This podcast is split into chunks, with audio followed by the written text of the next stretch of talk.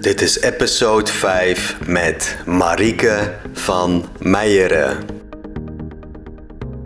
Welkom bij de Startup School Podcast. Ik ben je host Atay Dogan en elke week breng ik je een interview met Nederlands meest inspirerende en succesvolle mensen. Je ontdekt welke dromen en doelen hen heeft geïnspireerd, welke obstakels ze zijn tegengekomen en hoe ze hun tegenslagen hebben overwonnen. Leuk dat je luistert vandaag. Laat de les beginnen.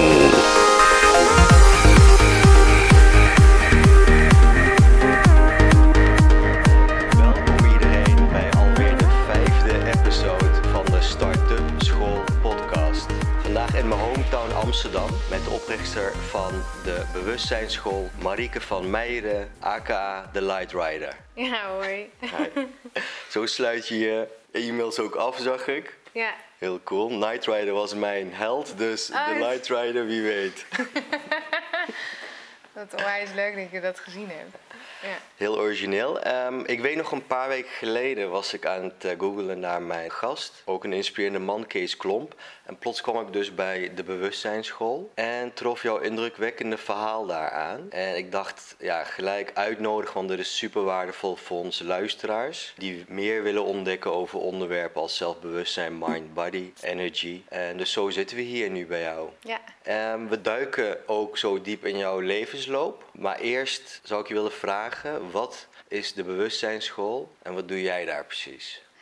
De bewustzijnsschool is een, eh, een nieuwe school midden in Amsterdam. En daar kan je je persoonlijk en professioneel ontwikkelen. Als ik dat zeg, dan begrijpen mensen het in één keer. Ehm, en we zijn eh, totaal holistisch. Dus dat betekent dat wij hier alle drie de elementen aantikken waaruit jij, jij bestaat. Dus we, we, tikken het mentale gesteld aan. Dus we geven mindset eh, lessen, mindtraining lessen, eh, mindfulness lessen.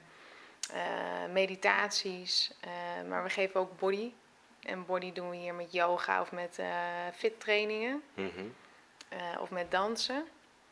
En we hebben spiritlessen en spiritlessen kunnen dus intuïtieve ontwikkeling zijn, hartlessen, transformatiecirkels eh, tot eh, spirituele, diepere meditaties, waardoor mensen eh, een andere ervaring kunnen hebben. Ja, dus echt de componenten mind, body en soul. Ja, En je gaf net kort aan dat je ongeveer 35 teachers hebt. Ja, we, we hebben 35 teachers en we hebben ehm, zeven mensen in de organisatie en dan ook nog 12 dames die hier host zijn. Mhm.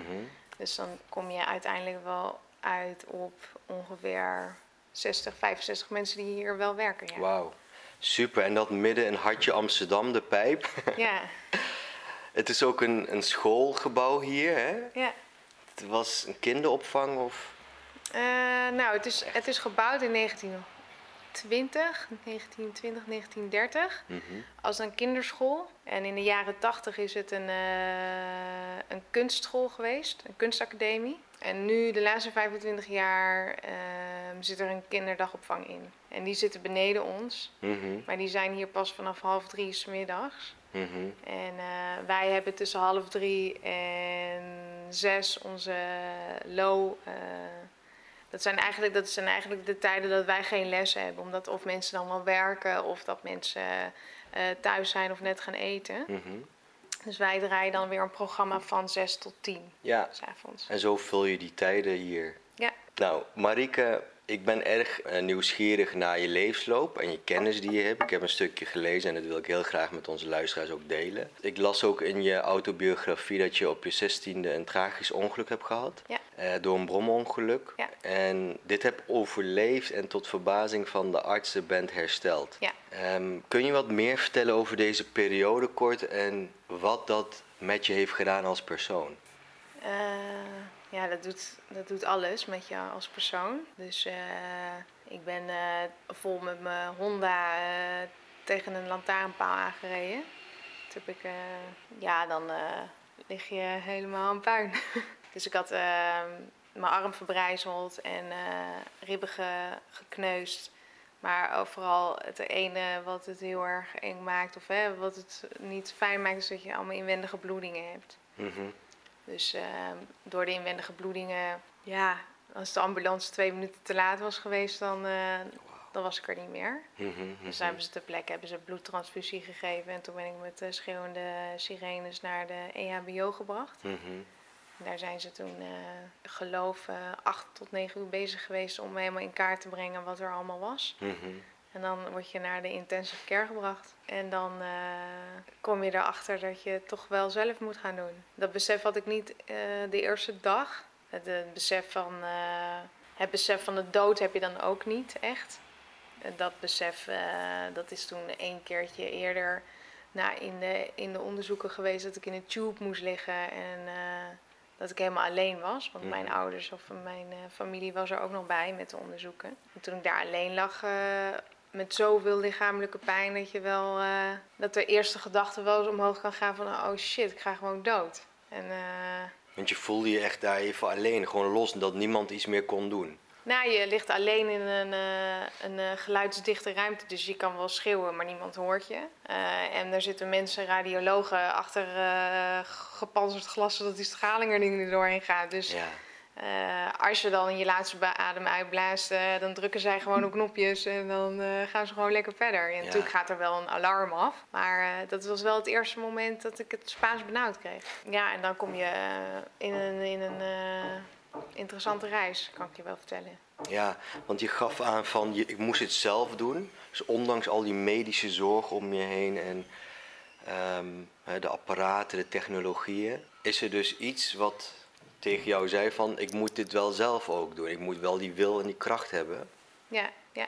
Dat is ook wel een eh, moment geweest. eh, ze hebben er toen voor gekozen om me niet te opereren. Ook omdat er eh, ook nog wat anders aan de gang was, lichamelijk. Dus ze, ze konden iets niet vinden waardoor ik eh, 24 uur per dag aan het overgeven was. Maar als je hele middenrif stuk is en je moet die beweging maken, dan eh, daar, daar, daar kan je bijna niet aan. Dus toen op een gegeven moment op de derde avond, eh, toen ik op de IC lag, eh, is mijn mild verder open gegaan. Dus dan gaan de bloedingen harder. Ik kan me wel herinneren dat de dokters toen binnenkwamen en dat ze zeiden van ja, we, we moeten je omhoog gaan zetten. Mhm. Alsof je zit om foto's te maken. En toen zei ik, ja, maar als jij mij nu gaat neerzetten, dan overleef ik dat gewoon niet. Want dan Mhm. druk je mijn kast helemaal naar binnen en dan eh, dat kan ik helemaal niet hebben. En toen eh, zat de zuster naast mij en eh, met het knop van de bed. En toen zei ik tegen haar, ik zeg, nou, ik wil wel zelf dan bepalen wanneer je op die knop gaat drukken. Want toen had ik wel het besef van, als ik...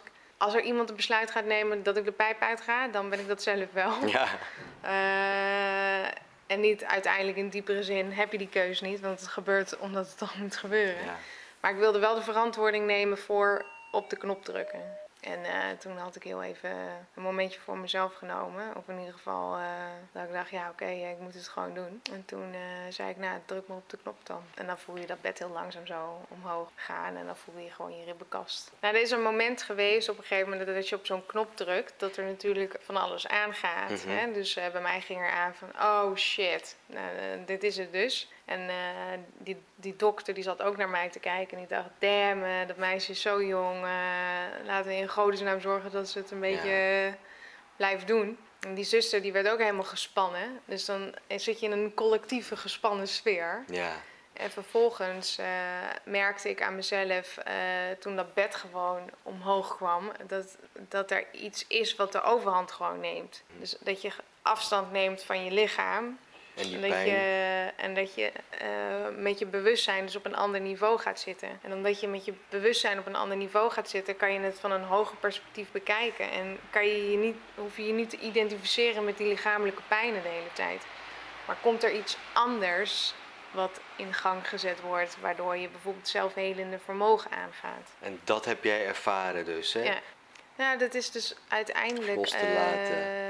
Ja, het gaat dus uiteindelijk om loslaten. Dus uiterlijk heeft het ermee te maken dat je hè, de identiteit of het lichaam Marieke op een ander niveau gaat bekijken. Mensen noemen dat met een bijna doodervaring eh, een, eh, een licht moment. Of eh, ik ga naar de hemel of noem, noem alle termen maar op. Maar het heeft ermee te maken dat je je verplaatst naar een andere bewustzijnniveau in jezelf. ja. En ook buiten jezelf dus. En dan ontdek je dus eigenlijk hoe fragiel je lichaam is, Mhm. maar hoe sterk hè, Dat die andere ziel, is. dat andere is, Ja. hoe je het ook wil noemen. Het gaat er dus uiteindelijk om dat je als mens zijnde dat gewoon kan leren. Dus wij kunnen wel degelijk onszelf verplaatsen in bewustzijnsniveaus. Dat de mind overstijgt. Dan heb ik het echt over de angstmind en de ego. En, hè, waardoor we ons helemaal klein en beperkt voelen. Maar als je je weet te leren te verplaatsen, ben je veel sterker en kan je dus ook veel meer zien en begrijpen.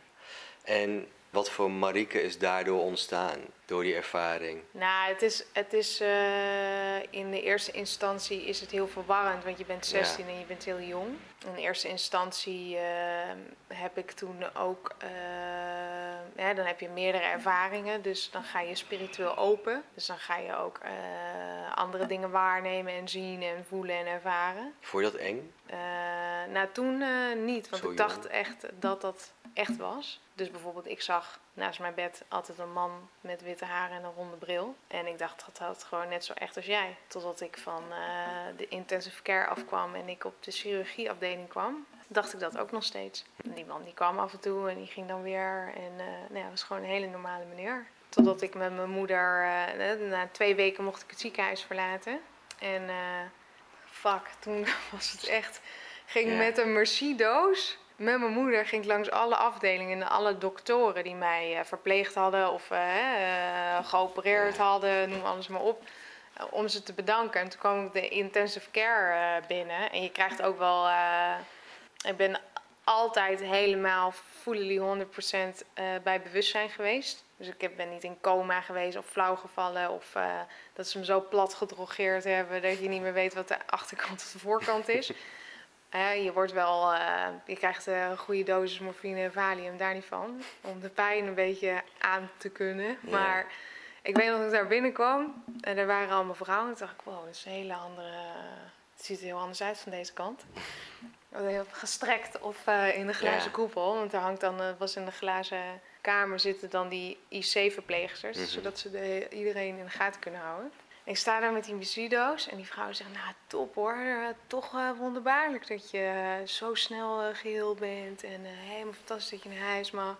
En ik was al helemaal kapot joh, om helemaal daar naartoe te lopen, want ik had natuurlijk nog geen stap verzet.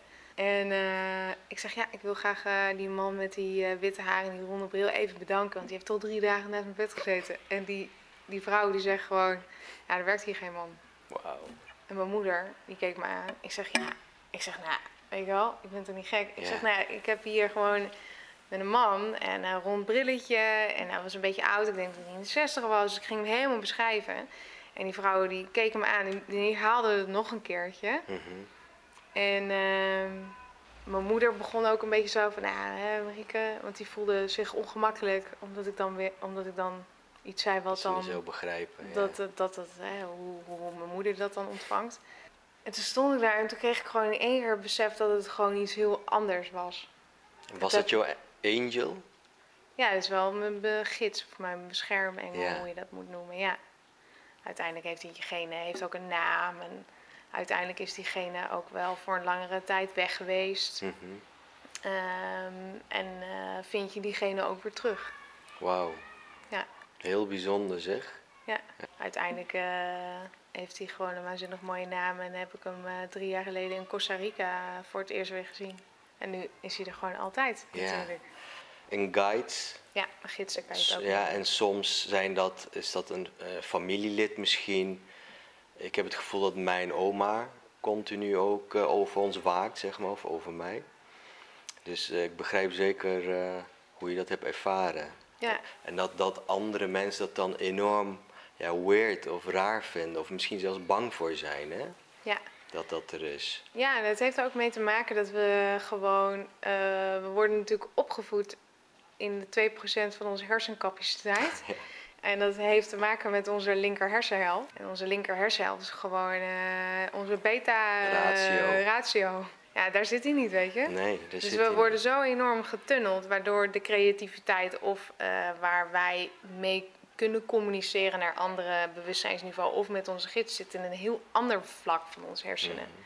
Dat zit aan de rechterkant. En als wij als mens zijn dat niet leren en uh, de meeste mensen als kind zijn hebben we deze ervaringen altijd al. voelen we aanwezigheden of eh, kunnen we dingen waarnemen of eh, kunnen we dingen doen. Hè? Ehm, maar gaandeweg het opgroeien, als wij vier zijn en we gaan met ons broodtrommeltje en ons rugzakje naar de basisschool. over. Dan is het gewoon over en uit. Ja, en dan ga je dus eigenlijk je eigen waarheid en je eigen imagination en je visualisatie en je creativiteit en je spirituele zijn worden gewoon helemaal afgemat. Totdat op een gegeven moment uh, je gewoon niet eens meer weet dat je het had. Je bent het gewoon echt vergeten. Totdat er een keer een knop aangaat waarop al die herinneringen weer omhoog komen. Inderdaad, die jou dus eigenlijk helpen. Ja, en dat geeft heel veel. Uh, ik uh, zeg het heel vaak in lezingen. joh, ze zitten hier allemaal op de bank uh, ja. jointje te roken. En ze wachten gewoon tot jij gaat inbellen. Maar je weet het telefoonnummer niet meer. Weet je wel? ja, maar heb ik het dan ook? Ja, jij hebt ja. het ook. Nee, het is niet the one has it and nee. the other one doesn't. Ja. Iedereen heeft er één beschermengel, één hoofdgids. En daarna hebben we er nog één tot zes. En dat noemen we dan de, de Light Council, of hè, hoe je dat allemaal wil noemen. En uh, dus je hebt er zeven, dus doe er wat Enjoy. mee. Weet je wel? Ja, maar je leert het gewoon. Nee. Je bent toen toch weer in een red race beland, las ik. Hè? Normaal met de massa meeleven. Ja, je bent 16 en dan uh, kom je thuis. Ik ben nu ook mijn boek aan uh, aan het afschrijven. Ja, je bent aan het schrijven? Ja, die komt, uh, nou, ik denk over vier, vijf maanden uit. Of Wat cool. Ja. Mogen we de titel al weten? Nou, hij gaat er waarschijnlijk uh, de Atlas heten. De Atlas? Ja. Onder voorbehoud. Onder ja. voorbehoud, ja. Heel leuk. Ja. ja. Gaan we zeker aanbevelen aan onze luisteraars. Dus... Maar wat er uiteindelijk, waar ik me zo om verbaasd heb ook, is dat iedereen in je naaste omgeving, in je directe omgeving, in de kringen daaromheen, uh, op school. Uh, dan heb je nog je sporten waar je komt, waar je paard rijdt, uh, noem alles maar op. Dat niemand, ehm, nou, laten we zeggen 90% iedereen weet waar je bent geweest. Dat iedereen weet dat je A, bijna bij, bij bent uit geweest. Ja. En dat je nou ja, bepaalde lichamelijke heftigheid hebt meegemaakt. Uh, maar dat niemand durft te vragen. Niemand durft te vragen hoe was dat nou? Mm -hmm. En hoe was het nou om zoveel pijn te hebben? En hoe heb je dat eigenlijk gedaan? En uh, die, uh, die ervaringen die je toen s'nachts gehad hebt, hoe was dat voor je? Ontwijkend een beetje. Hè? Ja, mensen, mensen je, de, er gebeurt ook echt wat met de, met de kijk in de ogen. Dus uh, toen, uh, als je mijn uh, foto's bijvoorbeeld terugziet vanuit dat ik net uit het ziekenhuis kom, dan zie je gewoon heel open en kwetsbaar, maar echt een heel sterk iemand ook. Omdat je gewoon, je bent, je bent door de grootste angst heen gegaan die de mensheid heeft. Mensen kunnen dat die dat niet meegemaakt hebben, of zo'n intensiteit van bijna doodgaan, van je ligt op de intensive care, we weten het allemaal even niet kun je niet beseffen hoe uh, impactvol zo'n uh, zo'n zo'n angst is om daar doorheen te gaan. Ja. Iedereen is onbewust uh, dagelijks bang om zomaar dood te gaan. Absoluut. Of een naaste. Ja. hoe komt het dat mensen dus toch weer door ehm, de omgeving terugvallen in de oude gewoontes, de bekende, veilige, normale leven? Nou, dat hou je dan. Uh, ja, uh, wat, wat dat mij doen heeft bewegen is omdat je, je, zit, je zit in een collectief circus. Dus uh, je, je vervalt al heel snel in tv kijken. Je vervalt al heel snel weer uh, in oude patronen, in oude gezinsdynamieken. je zit weer aan dezelfde tafel, er wordt op dezelfde manier gecommuniceerd. Ehm, je vriendinnen gaan door. Ehm, dus ik moet ook daarin mee blijven gaan. Um, ik ben 16, ik moet nu gaan kiezen wat ik wil gaan doen met mijn leven. Ik wil dingen kopen. Um, ik begon toen ook net met modellenwerk. Uh, dat is, dus je, je, bent wezenlijk veranderd van binnen, maar je zit nog wel in dezelfde buitenomgeving. En als je dan 16 bent en je bent zo uh, kwetsbaar en uiteindelijk heel onzeker, dan blijf, ga je de spiegelen aan de buitenkant. Passen we ons uiteindelijk toch weer aan. Maar je vergeet niet. Want het is zo intens in je, in je systeem gezet. Hoe je het bent verkeerd, iedereen die zo'n ervaring heeft, of een ervaring van ik wil dit niet meer, hoe, hoe lang dat dan ook duurt, uh, uiteindelijk flipt die coin weer over. Precies, want ik had daar laatst over met uh, Albert de Boy, oprichter van Speakers Academy. En eh, die gaf ook aan in zijn verhaal van we zijn zo geprogrammeerd dat we niet meer bij ons kern zijn en ons hele leven die baan als administratiemedewerker hebben. Totdat je dus of zo blijft leven of losbarst. Ja. Eh, vind jij dat je daarvoor per se een dramatische ervaring, drastische ervaring moet hebben meegemaakt? Om dat te beseffen? Nou, de meeste mensen hebben wel een noodzaak nodig om te ontwakenen.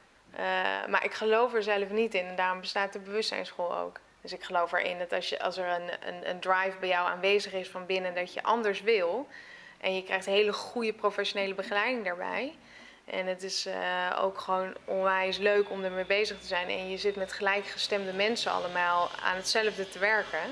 Dat je eh, anders kan kiezen, ook gaat leren daarin.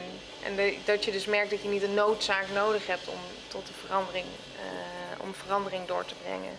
Ja, dagelijkse leven heb je opgepakt. Ja, Als marketeer heb je gewerkt, fotograaf ja, was je, zag ik. Eigen onderneming heb je gehad. ja. En toen kwam het moment dat je toch je roeping hebt gevonden.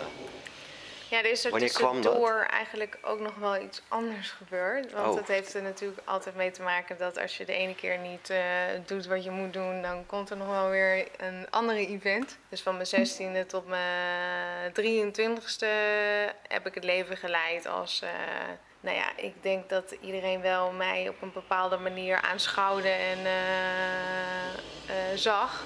En eh, zo zag ik mezelf ook, maar dat vond, dat vond ik geen plezierige ik, laat ik het even zo zeggen. En eh, op mijn 23e heb ik een, eh, heb ik, eh, een eh, vorm van, baarmoederhalskanker gehad en ik was zwanger.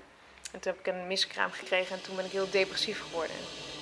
Maar ik wist niet dat dat depressief was, omdat ik nooit een label erop geplakt had. Ik dacht gewoon, oké, ik ben gewoon aan het rouwen en ik heb hier, mijn leven is kut. Gewoon dat. Ja, Maar daar in dat ene moment zijn er wel bij mij allemaal vragen aangegaan van wie ben ik, waar is het leven voor, Eh, waarom is er leven. Ehm, en toen in dat ene moment, eh, na twee maanden thuis liggen omdat ik gewoon angstig was om de deur uit te gaan, is er ook weer een moment geweest van eh, een heel helder moment waarop eh, ja, je hoger bewustzijn of je ziel het volgende tegen me zijn. Zijn gewoon, je hebt gewoon twee keuzes.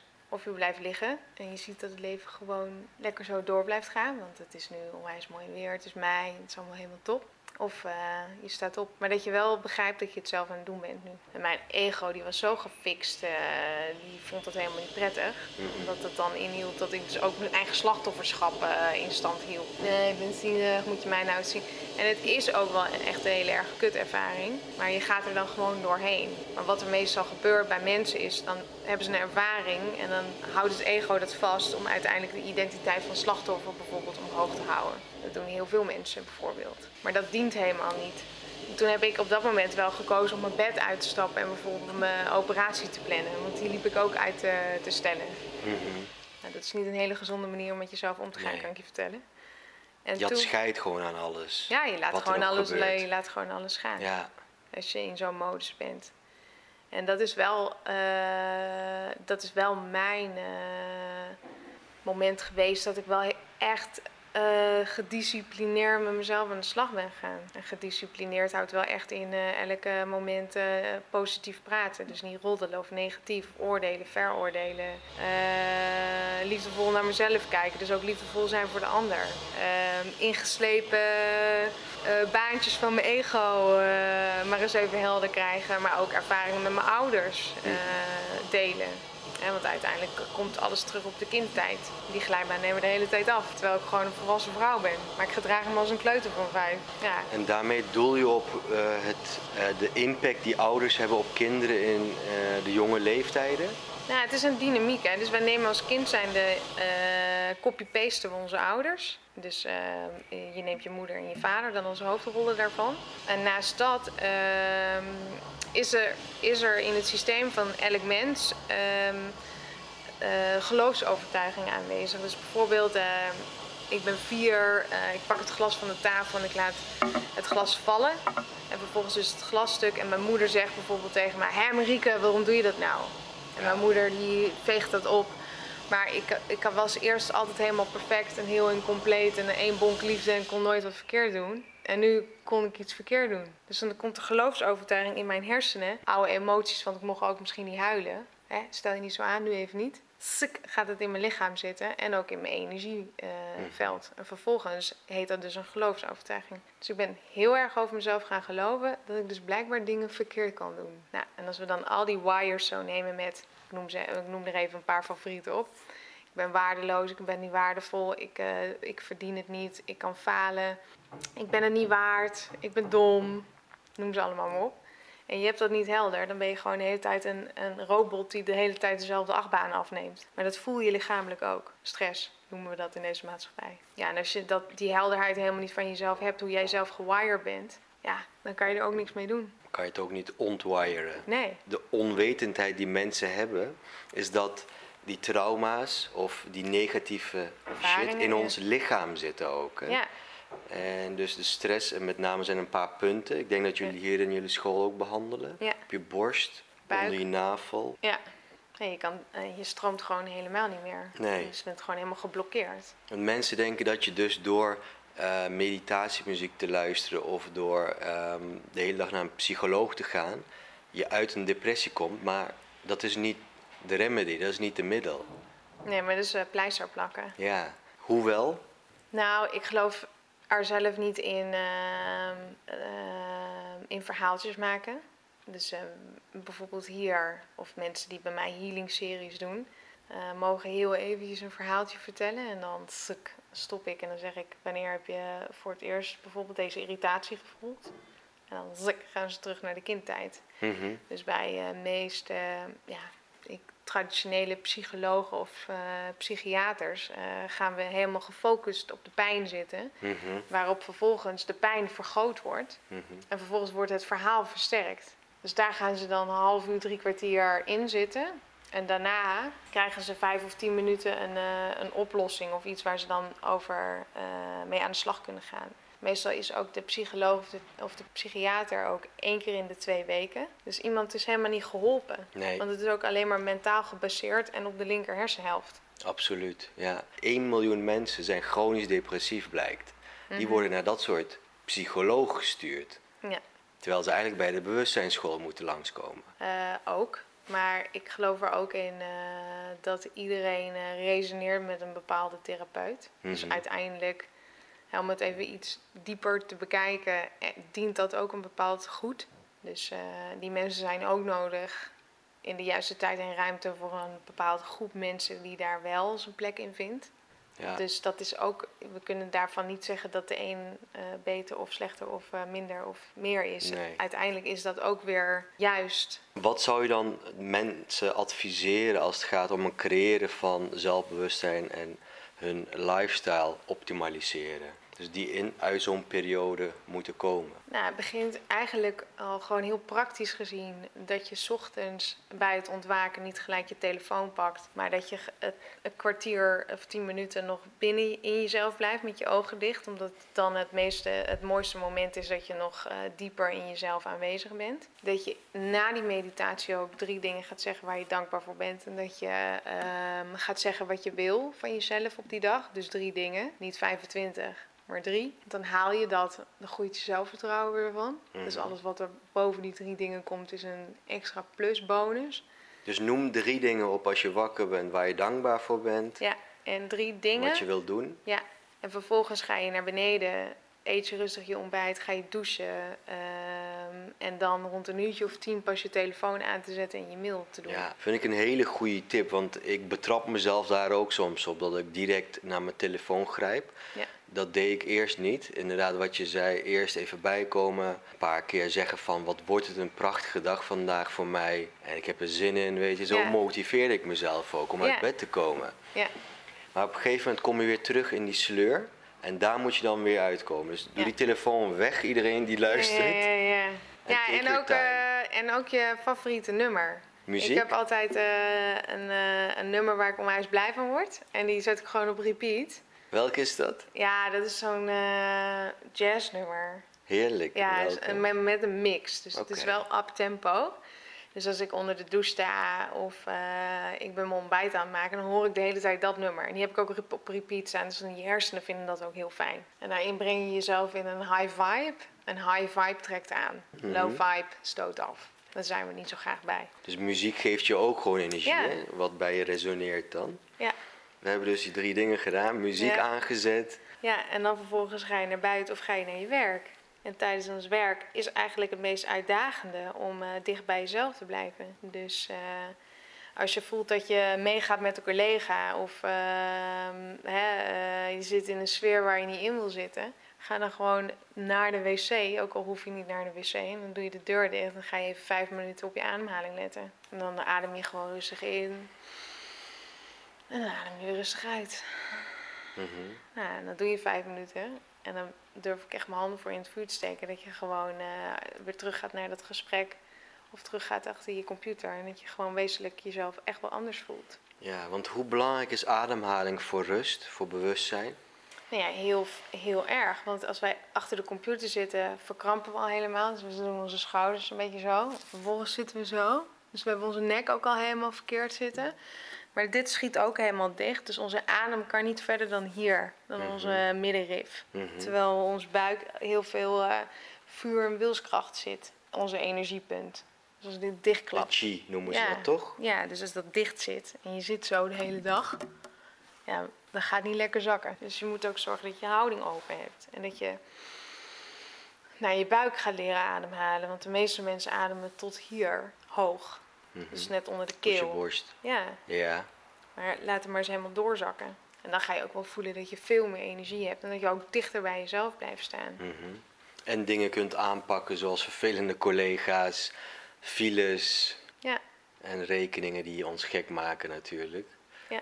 Ben je nooit boos? Nee. Vroeger, eh, toen ik 23 was en net eh, de, de, de, ding aantikte van, eh, nou, hè, ziek zijn, kreeg ik wel van veel mensen wel te horen van, nou, misschien zou je eens naar anger management moeten. Dus ik kon wel, als ik heel boos was vroeger, en ik kon echt heel boos worden, dan kon ik met gemak deze marmeren tafel dwars door de school heen werpen. Maar die energie, die, want het is uiteindelijk gewoon energie, gebruik ik nu om dingen te creëren. Ja, precies. Het is niet dat je dat, dat het weggaat, het is het anders gebruiken dus. Ja, je gebruikt de Ja. energie gewoon anders. En je labelt niet de energie van boosheid.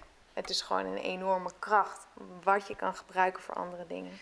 Maar wij als vrouw zijn, als we in onze vrouwenenergie zitten, zijn we, veel, zijn we open, ehm, ontvankelijk. Hè? Dus wij zijn ontvangers. Mhm.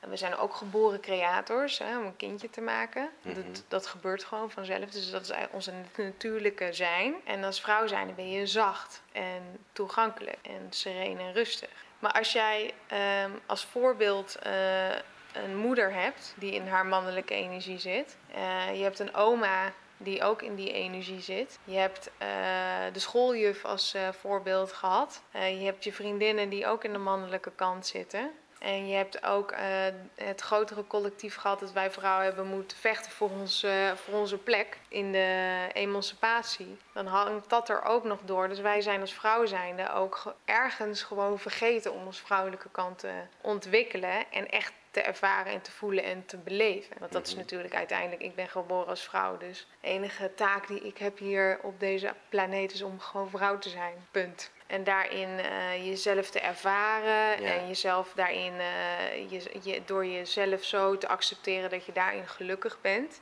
En als je dan als vrouw zijnde iets wil bouwen, dan doe je dat vanuit een heel ander punt. Dan ben je niet aan het trekken, maar dan gebeurt het gewoon vanzelf. Heel mooi verwoord. Ik denk dat dat echt ook heel eh, in onze maatschappij balans is kwijtgeraakt op dat punt. Hè? Ja, maar heel veel vrouwen, je weet dat helemaal niet. We, we krijgen dat niet eh, in onze scholen. We krijgen niet dat als voorbeeld. We krijgen niet eh, lessen daarover.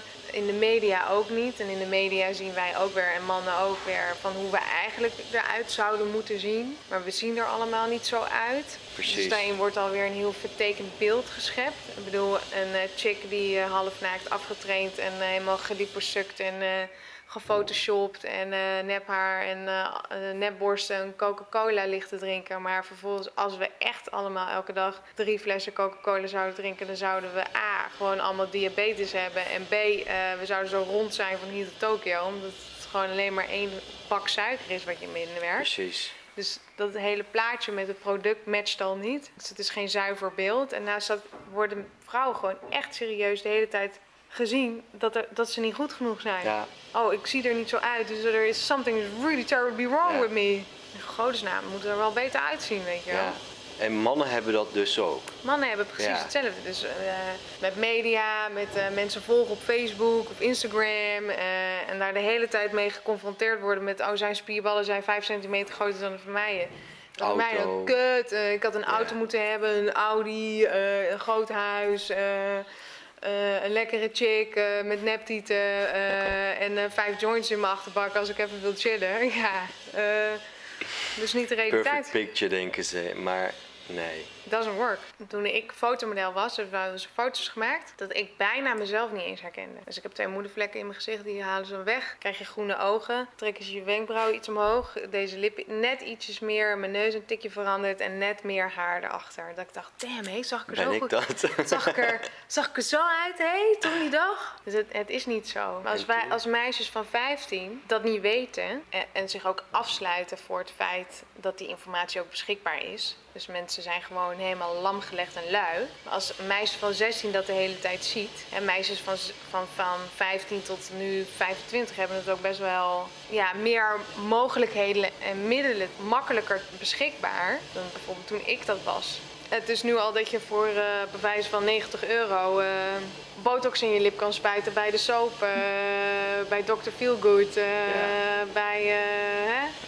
en nog noemen nog meer botoxfeestjes ja. op. Of al beginnende rimpels weg laten halen om vervolgens er jonger of beter uit te zien omdat het mm -hmm. op Instagram er zo uitziet. Mm -hmm, ja. Maar dat zijn meisjes van zo jong ik was ook uh, eh, 21 of zo. Dat ik, uh, ik ben mijn hele mijn middelbare school uh, gepest om het feit dat ik bijvoorbeeld geen grote borst had. Ja, toen werd ik fotomodel. Toen werden, gingen ze al iets anders naar me kijken, de mannen. Maar hè, desalniettemin word je erop gepest. Nou, dat maakt zo'n enorme impact op je. Dus een, halleluja dat er nog geen Facebook of Hives of weet ik het wat was. Ja, want daar worden ook echt dingen gezegd. Het is echt ruthless. Ja. Gewoon al die bakken met galligheid maar over iedereen heen. Ja. Echt gif. En vervolgens was ik 21. En toen dacht ik, nou, ik heb uh, lekker bakken met geld verdiend. Ik ga eens even twee uh, titelen erop laten zetten. Om het gewoon even heel plat te zetten. En ik had zo'n uh, intake gehad bij zo'n goede plastische chirurg. En vervolgens werd ik s ochtends wakker. En toen keek ik voor het eerst... Nee, toen keek ik in de spiegel naar mijn naakte lichaam. En toen dacht ik, en dat was voor het eerst in die hele zes, zeven jaar, dat ik dacht, wat moet ik in hemelsnaam met grote borsten? Ik ben gewoon fragiel. Holy shit, hé, dan heb ik plastic in mijn lijf. Holy shit, dat is toch verschrikkelijk? Ik heb die gast gebeld, ik heb gezegd, doe het niet. niet doen. Maar ik heb er nooit meer, ik heb er ook dus nooit meer, ik heb ook dus nooit meer een minderwaardigheidsgevoel gehad als ik naar mezelf keek. Ja. Maar zo'n besef, dat heet ook wel een ontwakeningsmoment op een mhm. bepaald niveau. Uh, en er ook daadwerkelijk dan ook naar te handelen, dat is gewoon, ja, dat is, dat is fijn voor mensen als ze dat hebben. Maar iedereen heeft dat op zijn eigen tijd en ruimte. Dus er zijn heel veel vrouwen die hebben nu uh, borstvergrotingen gehad. En die lekken nu of uh, er moeten nieuwe in, hè, want ze zijn maar houdbaar voor tien jaar. Het is eigenlijk al van de gek als je het over hebt. Hè. Mijn tieten zijn nog maar tien jaar oud. of over twee maanden zijn ze klaar, ja. uh, lopen ze leeg. Uh, mijn tepels moeten Vullen. anders verplaatst worden. Het is eigenlijk als je erover nadenkt, ja. is het gewoon van de gekken. Maar heel grappig hoe je dat vertelt, want uiteindelijk komt het dus neer op wat de wereld of anderen van jou ook denken en vinden. En je moet heel stevig, heel, heel, heel stevig in jezelf geloven. En heel stevig voor jezelf staan en vertrouwen hebben. Maar zelfvertrouwen hebben heel veel mensen niet. Dus die zelfbeeld, ja. dat creëren, dus je, wat je zelf wijs maakt, zo voel je je. Ja, dus bijvoorbeeld, uh, ik ben Marika, ik ben uh, eh, 16 jaar. Uh, ik moet blijkbaar grotere borsten hebben, omdat het dan beter is of zo om vrouw te zijn. Ja, of het is Dat- gewoon dan, dat is dus vrouw zijn, grote borsten hebben. Maar het is helemaal geen vrouw zijn, want vrouw zijn is een gevoel. En zo ben je gewoon geboren. Ik ben dus over mezelf gaan geloven dat bijvoorbeeld ik als vrouw zijn en niet goed genoeg ben. Geloofsovertuiging, ik ben niet goed genoeg. Dus als ik met die bril op, eh, ik ben niet goed genoeg, een blad aan het lezen ben, de Vogue, en ik zie alleen maar grote borsten. Dan ga ik dus op mijn 21ste zo'n eh, gesprek, zo'n Ja. intakeboek erbij eh, Een of andere dokter. Ja. ja, dus het wordt ook helemaal gefund op al die eh, beperkende overtuigingen. Eh, De, iPhone bijvoorbeeld. Dus eh, ik heb een iPhone Je 6. hebt een iPhone 6. Ja, en toen ik hem kocht, dacht ik al van, had ik op een gegeven moment zo'n beeld van, wow, wedden dat over een jaar, het gaat hij een beetje haperen of gaat hij een beetje minder doen. Want dan komt natuurlijk de nieuwe 7 op de markt. En ik moet me natuurlijk ergens gaan irriteren over het feit dat die 6 niet meer lekker doet. Dat ik dus de 7 ga aanschaffen. Maar zo vernuftig zit alles wel in elkaar. Dus je wordt echt, ja, voorgespiegeld, maar alles is zo geprogrammeerd om de consumptiemaatschappij in stand en draaiende te houden. Wat natuurlijk uiteindelijk allemaal weer op geld verdienen eh, neerkomt. Maar zo eh, niet in, ja, zo zit het helemaal in elkaar eh, verwrongen. En uiteindelijk kan dat helemaal niet meer bestaan straks. Want wij kunnen door al die plastic die we en glaasjes en waar de iPhones allemaal wel niet uit bestaat, eh daar kunnen we straks gewoon een hele oceaan mee vullen. Ja, Dat, en dat kan nu al. dat kan nu al inderdaad. Als je kijkt naar alle vervuilingen. Ik weet niet of je die film hebt gezien van eh, Before the Flood. Ja. Ja, mooi ook eh, een beeld geeft van de wereld waar we aan toe zijn. Ja. Leef je zelf bewust? Eet je bewuste voeding? Ben je vegetarisch? Of heb je Ja. daar nog wat tips in? Ehm, ik leef heel bewust. Mijn vriendinnen zeggen vaak, jezus, moet ik zo bewust zijn? Daar word ik nu al moe van. Wat dan bijvoorbeeld? Nou ja, ik denk, ehm, er komt een moment dat je heel bewust ook je gedachten ziet. En dat je dus bewust anders gaat kiezen. Mhm. En er komt dus een moment uiteindelijk dat je dat dus ook weer wordt. Hè, wat je voelt van binnen. Dan gaat het gewoon allemaal vanzelf. En, eh, maar ik eet al wel, ehm, denk ik, vanaf toen ik ziek was, mijn 24ste, ben ik eigenlijk altijd wel gezond geweest. Ik heb dus vanaf mijn geboorte eh, heb ik geen chocola of zoetigheid eh, willen eten, omdat ik dat gewoon niet lekker vind. Eh, koeienmelk wilde ik ook niet. Het was altijd een hele mooie dialoog met mijn moeder. Maar ik eet dus geen koeproducten en geen vlees. En als ik echt vlees nodig heb, dan is het een hele blije kip geweest. Mhm. Ehm, ja, gewoon vers producten, dus groenten. En ik kook gewoon voor mezelf altijd, Super. elke dag. Dus drie keer op een dag. Dus ochtends, smiddags, wij hebben hier een grote keuken, lunchen we ook. Eh, of ik lunch zelf. En als ik ergens ga eten, dan ga ik wel naar een tentje dat het vegan is of eh, gezond. Dat ze goede biologische organic producten gebruiken. Ik eet geen brood, eh, tarwe. Nee? Nou, Dat brood slecht voor je ah, is? Ja, je, je, je, het brood wat de menig mens koopt eh, is, eh, is gewoon uit de fabriek. Mhm. Er zitten sowieso al 7 of 8 E-nummers in. Echt? Dus eh, dan mag je je wenkbrauw even omhoog doen. Ja. Dan ben je dus aan het eten. Dus dat is chemisch. Dus je bent chemie aan het eten. En naast dat eh, zijn wij niet echt gemaakt om tarwe te verteren. Dus dat Mhm. vinden onze darmen helemaal niet fijn. Mhm. Dus we krijgen er geen energie van. Het, neemt, het kost ons Het energie. kost het juist. Maar we willen vanuit nature, ons lichaam, we zijn een dier, willen we iets eten wat ons energie geeft. Maar dan gaan we dingen eten die ons, eh, ik, heb tv kijken. Precies. We kunnen het niet omzetten. Dus ehm, als je de luisteraars een tip wil geven, welke drie producten niet eten? Eh, geen vlees, Geen vlees. geen brood, geen vlees. Ja, su- suikerproducten. Ja. Minimaliseer met suiker. Eh, frisdranken, koolzuurhoudende producten. Als jij al die drie eh, producten die ik net opnoemde, als je daar gewoon twee maanden mee stopt, dan is het A uit je, uit je conditionering. Dus je, op een gegeven moment is het echt geen moeite meer om gezonde dingen voor jezelf te maken. A, je valt af. B, je, je, je ziet er gezonder uit. Je, gaat, je huid gaat gewoon weer echt stralen. Het is beter voor je haar. En echt nog wel veel belangrijker voor je hormoonhuishouding. Dus je stresslevel en je hormonen kunnen ook weer. Want door die suiker heb je weer een upper, up, adrenaline. En dan vervolgens heb je die downer weer. En wat gaan we dan doen? Oh, koffie of nog een glaasje cola. Koffie drink ik wel. Ik, de rest heb ik ook al eh, een tijdje, anderhalf jaar gestopt. Ja? Brood vind ik heel moeilijk. Ja. En koffie. Hoeveel koffie drink je? Ja, twee of drie. Niet Dat is echt niet veel. heel veel. Drink jij koffie? Ik drink één koffie per dag. Oké. Ja. Dan 's morgens. En dan s'morgens om 10 uur meestal. En daarna niet meer. Oké. Ja. Nou, super bruikbare, waardevolle tips, eh, Marieke. ja. You're Want- welcome. ja, want bewustzijn is niet alleen in je mind, maar ook in de voeding, Ja, de keuze die je maakt. keuzes die je maakt in het leven. Ehm, nou, dan wil ik eh, mijn laatste vraag stellen, die ik aan al mijn gasten stel. En die luidt, met alle ervaringen en kennis die je tot nu hebt opgedaan in je leven, wat zou je de Marieke die aan het begin staat van haar leven dan vertellen? Ja, dan zou ik toch tegen een meisje van vier wat zeggen. Dat, eh, dat wat ze ziet, hoort en voelt en doet, eh, dat ze daar helemaal mag gaan, dat ze dat mag geloven. Mhm.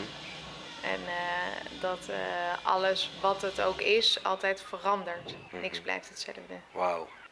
Dat, dat, dat, je, dat je je eigen waarheid, dat dat het allerbelangrijkste is. En dat je dat ten volste voor 100%, al is het niet 100.000%, mag geloven. Dat is het enige wat telt. We horen ook de kinderen op de achtergrond Ja. spelen. Ik ben echt eh, ja, heel erg dankbaar voor dit gesprek. Ik ook, denk ik Ja, wel. heel leuk eh, dat we het hebben kunnen doen hier vandaag. Ik vind je enorm mooi bezig met je missie en je pad. Blijf dat doen, heel veel succes ermee. Dankjewel.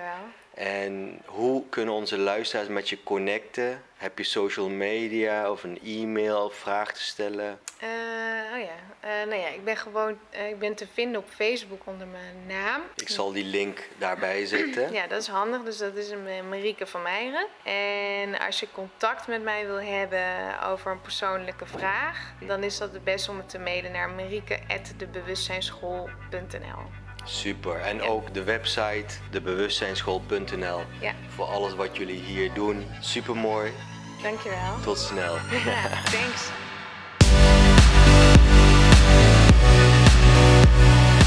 Als je hebt genoten van deze episode, deel hem dan alsjeblieft met je vrienden op Facebook, Instagram of Twitter. De link uit de show notes kun je gewoon copy-pasten. En vergeet AUB niet om de podcast te volgen. Als je luistert vanuit iTunes, Soundcloud, Stitcher Radio of Google Play. Want jouw vrienden en netwerk zullen het super waarderen om te horen hoe Marike haar roeping heeft gevonden. Wat haar ervaringen en ideeën zijn over bewustzijn. En de tips en adviezen over een healthy and body. Bedankt voor het luisteren en vergeet niet dat elke dag een nieuwe kans is in je leven om te starten.